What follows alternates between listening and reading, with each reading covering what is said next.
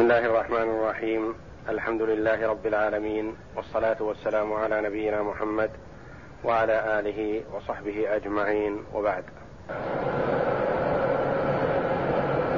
اعوذ بالله من الشيطان الرجيم ولقد اتيناك سبعا من المثاني والقران العظيم لا تمدن عينيك إلى ما متعنا به أزواجا منهم ولا تحزن عليهم واخفض جناحك للمؤمنين وقل إني أنا النذير المبين كما أنزلنا على المقتسمين الذين جعلوا القرآن عظيم فوربك لنسألنهم أجمعين عما كانوا يعملون. يقول الله جل وعلا في هذه الآيات الكريمة ممتنا على عبده ورسوله محمد صلى الله عليه وسلم وعلى أمته. ولقد آتيناك سبعا من المثاني والقرآن العظيم. ولقد آتيناك أعطيناك سبعا من المثاني والقرآن العظيم. نعمة عظيمة. ومنة كبيرة من الله جل وعلا تفضل بها على هذه الأمة. فما المراد بالسبع المثاني؟ قال جمهور المفسرين المراد بالسبع المثاني فاتحة الكتاب. المراد بها فاتحة الكتاب. الحمد لله رب العالمين. وهذا مروي عن عمر وعلي وابن مسعود رضي الله عنهم وعن الصحابة أجمعين. وروي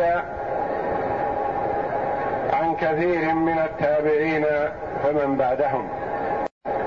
وقد روي فيه حديث عن النبي صلى الله عليه وسلم كما سيأتي إن شاء الله.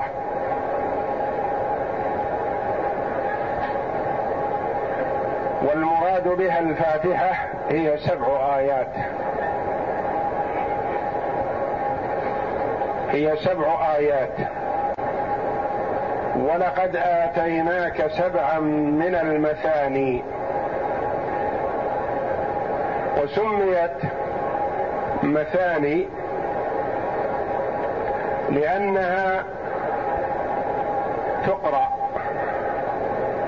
وتثنى قراءتها في كل ركعة من ركعات الصلاة وفي كل فريضة.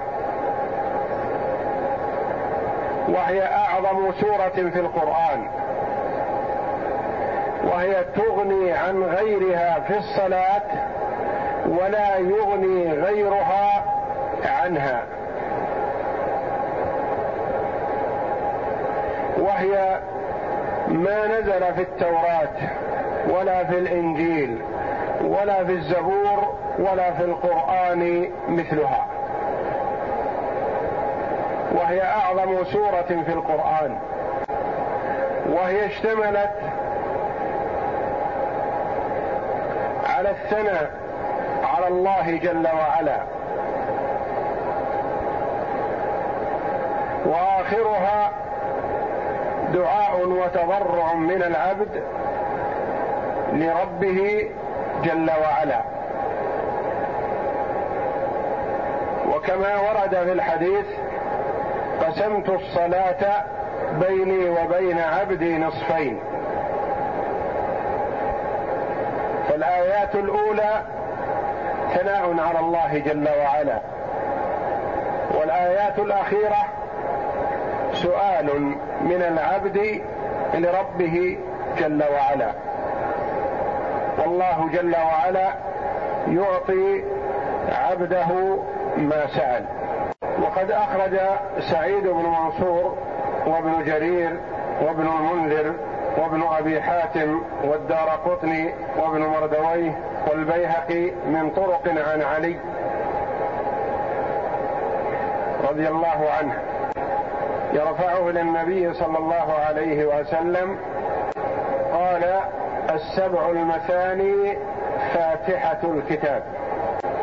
وروي عن ابن عباس رضي الله عنه أنه قال فاتحة الكتاب استثناها الله لأمة محمد فرفعها في أم الكتاب فادخرها لهم حتى أخرجها ولم يعطها أحد قبل. قيل له لابن عباس فاين الآية السابعة؟ قال بسم الله الرحمن الرحيم. وروي عن أبي بن كعب رضي الله عنه قال السبع المثاني الحمد لله رب العالمين.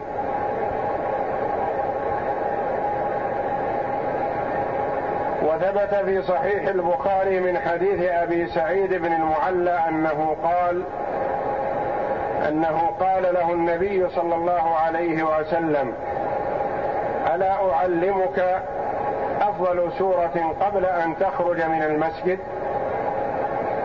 قال فذهب النبي صلى الله عليه وسلم ليخرج فذكرت فقال الحمد لله رب العالمين هي السبع المثاني والقرآن العظيم. واخرج البخاري أيضا من حديث أبي هريرة قال قال رسول الله صلى الله عليه وسلم أم القرآن هي السبع المثاني والقرآن العظيم. وروي أن المراد بالسبع المثاني هي السبع الطوال. من صدر القرآن. سورة البقرة وآل عمران والنساء والمائدة والأنعام والأعراف والأنفال وبراءه واحدة لأنه لم يفصل بينهما تسمية. وقد روي هذا عن ابن عباس وعن ابن عمر وعن بعض الصحابة رضي الله عنهم وبعض المفسرين. وقال بعض المفسرين المراد بالسبع المثاني والقرآن العظيم هو القرآن كله.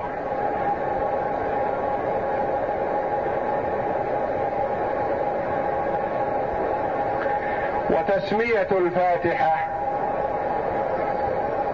بالمثاني لا يستلزم نفي التسمية عن غيرها بهذا الاسم. فيجوز أن تسمى الفاتحة بالسبع المثاني كما يسمى تسمى السبع الطوال بالسبع المثاني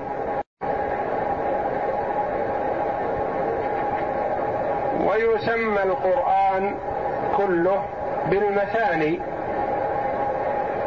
فلا ينافي هذا.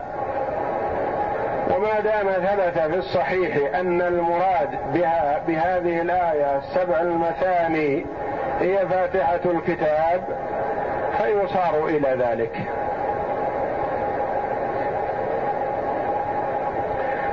والقرآن العظيم امتن الله جل وعلا به على محمد صلى الله عليه وسلم وعلى أمته. وعطف القرآن العظيم على السبع المثاني التي هي الفاتحة من عطف الكل على البعض.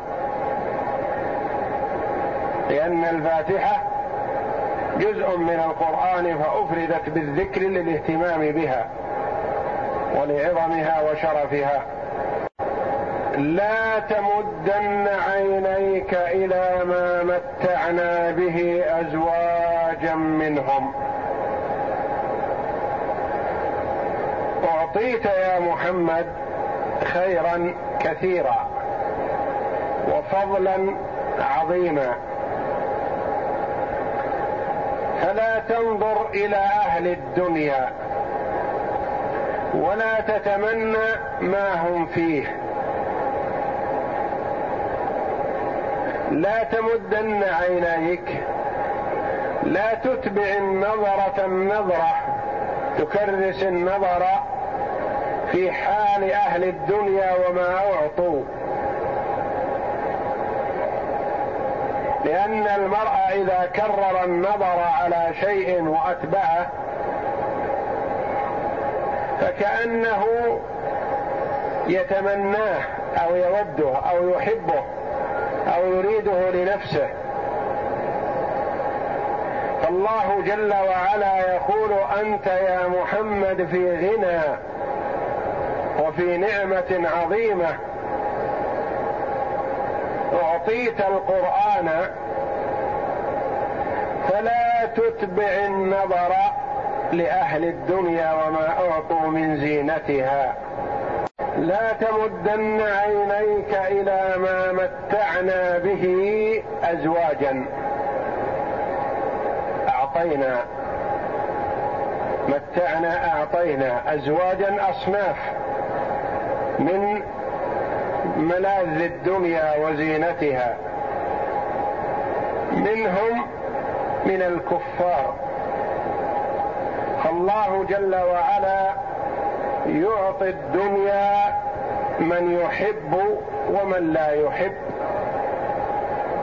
فأمره الله جل وعلا أن يغتبط بما هو فيه من النعمة العظيمة ولا ينظر إلى حال أهل الدنيا.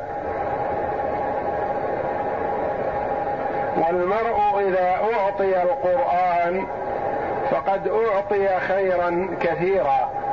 ومن أعطي القرآن فرأى أن غيره أعطي أفضل منه فقد استصغر ما عظم الله.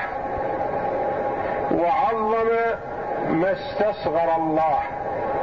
لأن الدنيا صغيرة عند الله ومتاع الدنيا لا قيمة له. ولو كانت الدنيا تزن عند الله جناح بعوضة ما سقى كافرا منها شربة ماء. لا تمدن عينيك إلى ما متعنا به أزواجا منهم من الكفار.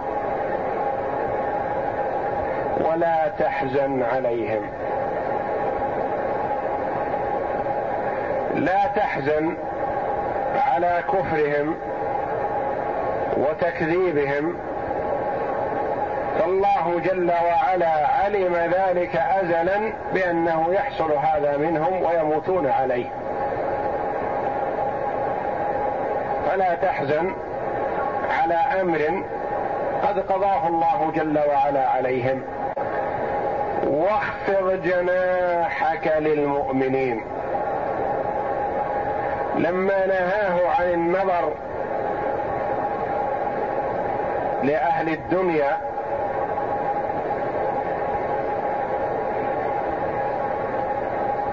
وعدم الحزن عليهم أمره أن يتواضع. وأن يلطف وأن يحنو على المؤمنين. اخفض جناحك. هذا تشبيه بحال الطائر. أن الطائر إذا أراد أن يدني فرخه مد جناحه ضمه إليه خفضه رده إليه.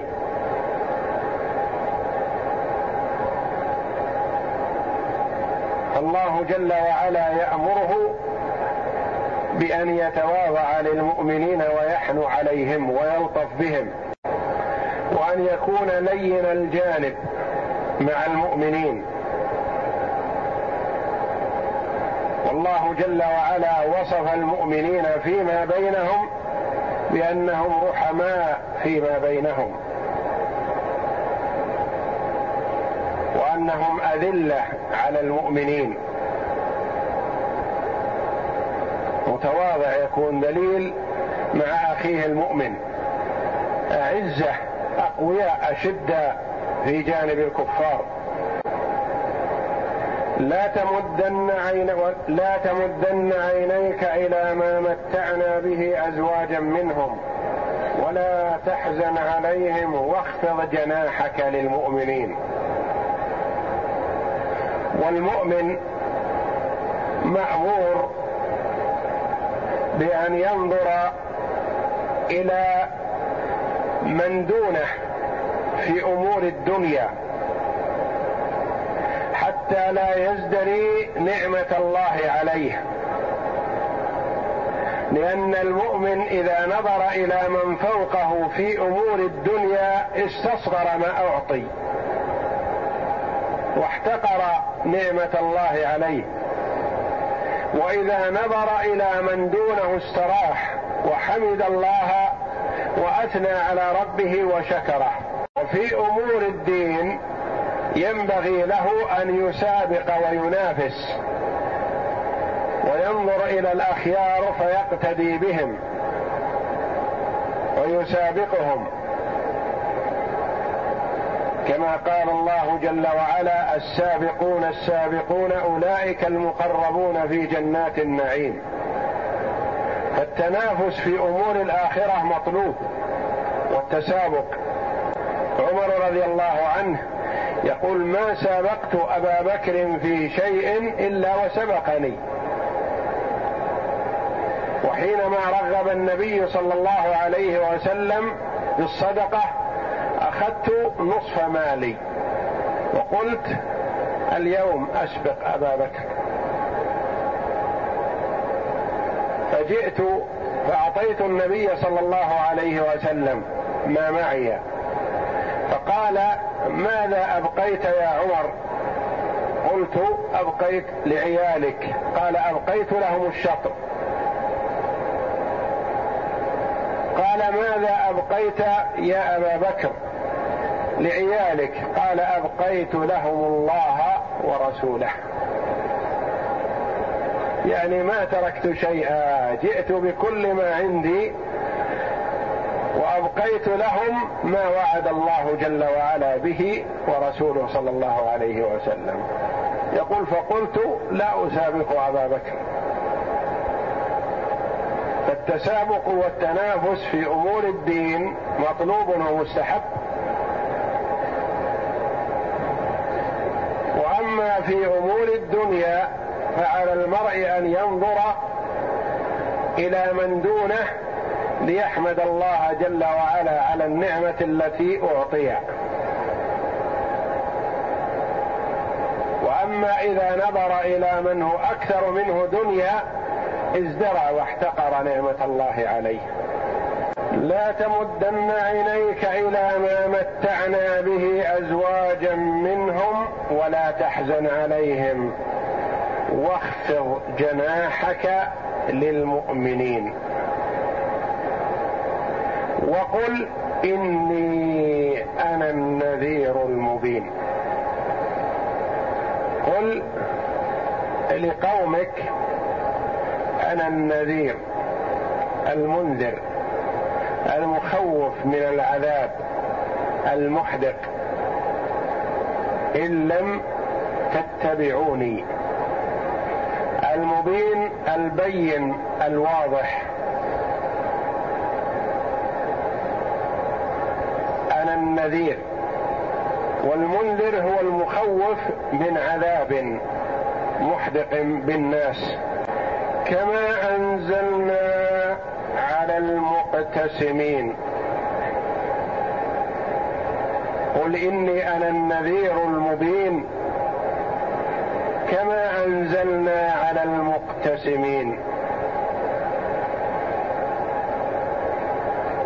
أنذرهم عذابا يحل بهم إن لم يؤمنوا كما حل بمن قبلهم.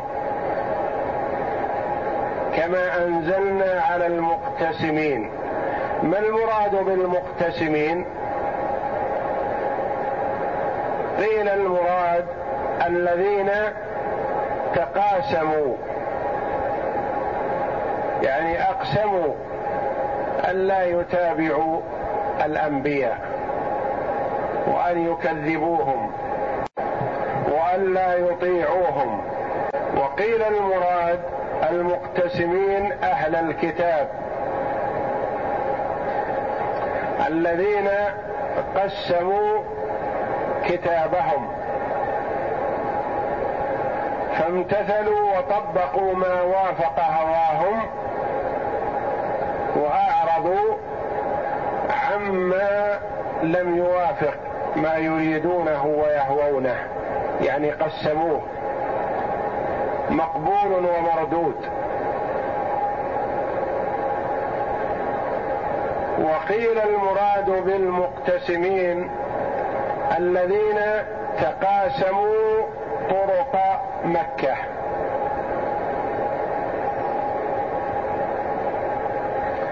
بمشورة الوليد بن المغيرة. فجلس كل واحد منهم على مدخل من مداخل مكة في وقت الموسم وقت الحج لينذر من يدخل ألا يتبع ولا يسمع من محمد الذي يدعي النبوة. وجعلوا الوليد بمثابة الحكم. يحضر هذا بمن معه فيمر بهم على الوليد فيقول الوليد نعم ما قال لكم هذا الرجل صحيح؟ هذا المنذر لكم لا تتبعوا ولا تسمعوا من محمد شيئا فإنا أعرف به. فهو كذاب فالله جل وعلا توعد هؤلاء بالعذاب لفعلهم هذا السيء الذي هو تكذيب الرسول صلى الله عليه وسلم الصادق الأمين. كما أنزلنا على المقتسمين. الذين جعلوا القرآن عظيم عظيم جمع عظه أي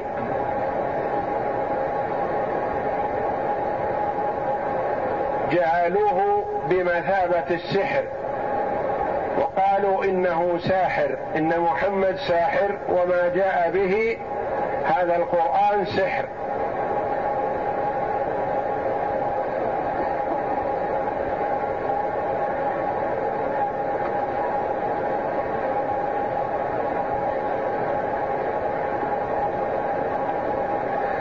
جعلوه أعضاء بمنزلة عض الشاة أي جزأها أجزاء أعضاء.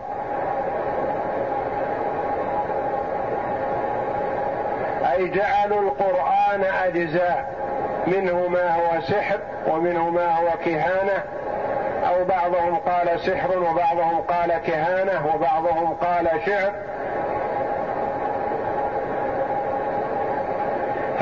افتروا على القرآن الذي هو كلام الله الذي لا يأتيه الباطل من بين يديه ولا من خلفه تنزيل من حكيم حميد.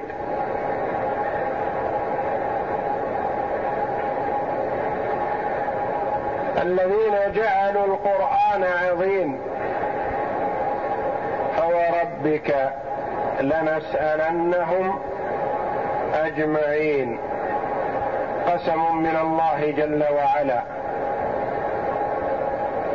بأنه سيسألهم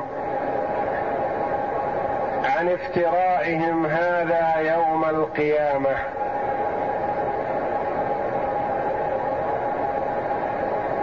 وهذا السؤال سؤال توبيخ لهم. لا سؤال تقرير ولا سؤال تكريم.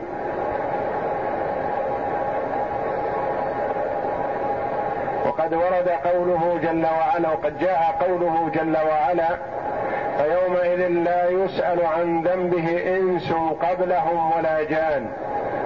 لا يسألون هناك سؤال تقرير أو سؤال تكريم. وهنا السؤال المثبت سؤال التوبيخ ليعاقبوا على إنكارهم. فوربك لنسألنهم أجمعين عما كانوا يعملون عن افترائهم وكذبهم وتكذيبهم للنبي صلى الله عليه وسلم. وسيسأل العذاب إلى الجنة. وإن كان فاجرا أو كافرا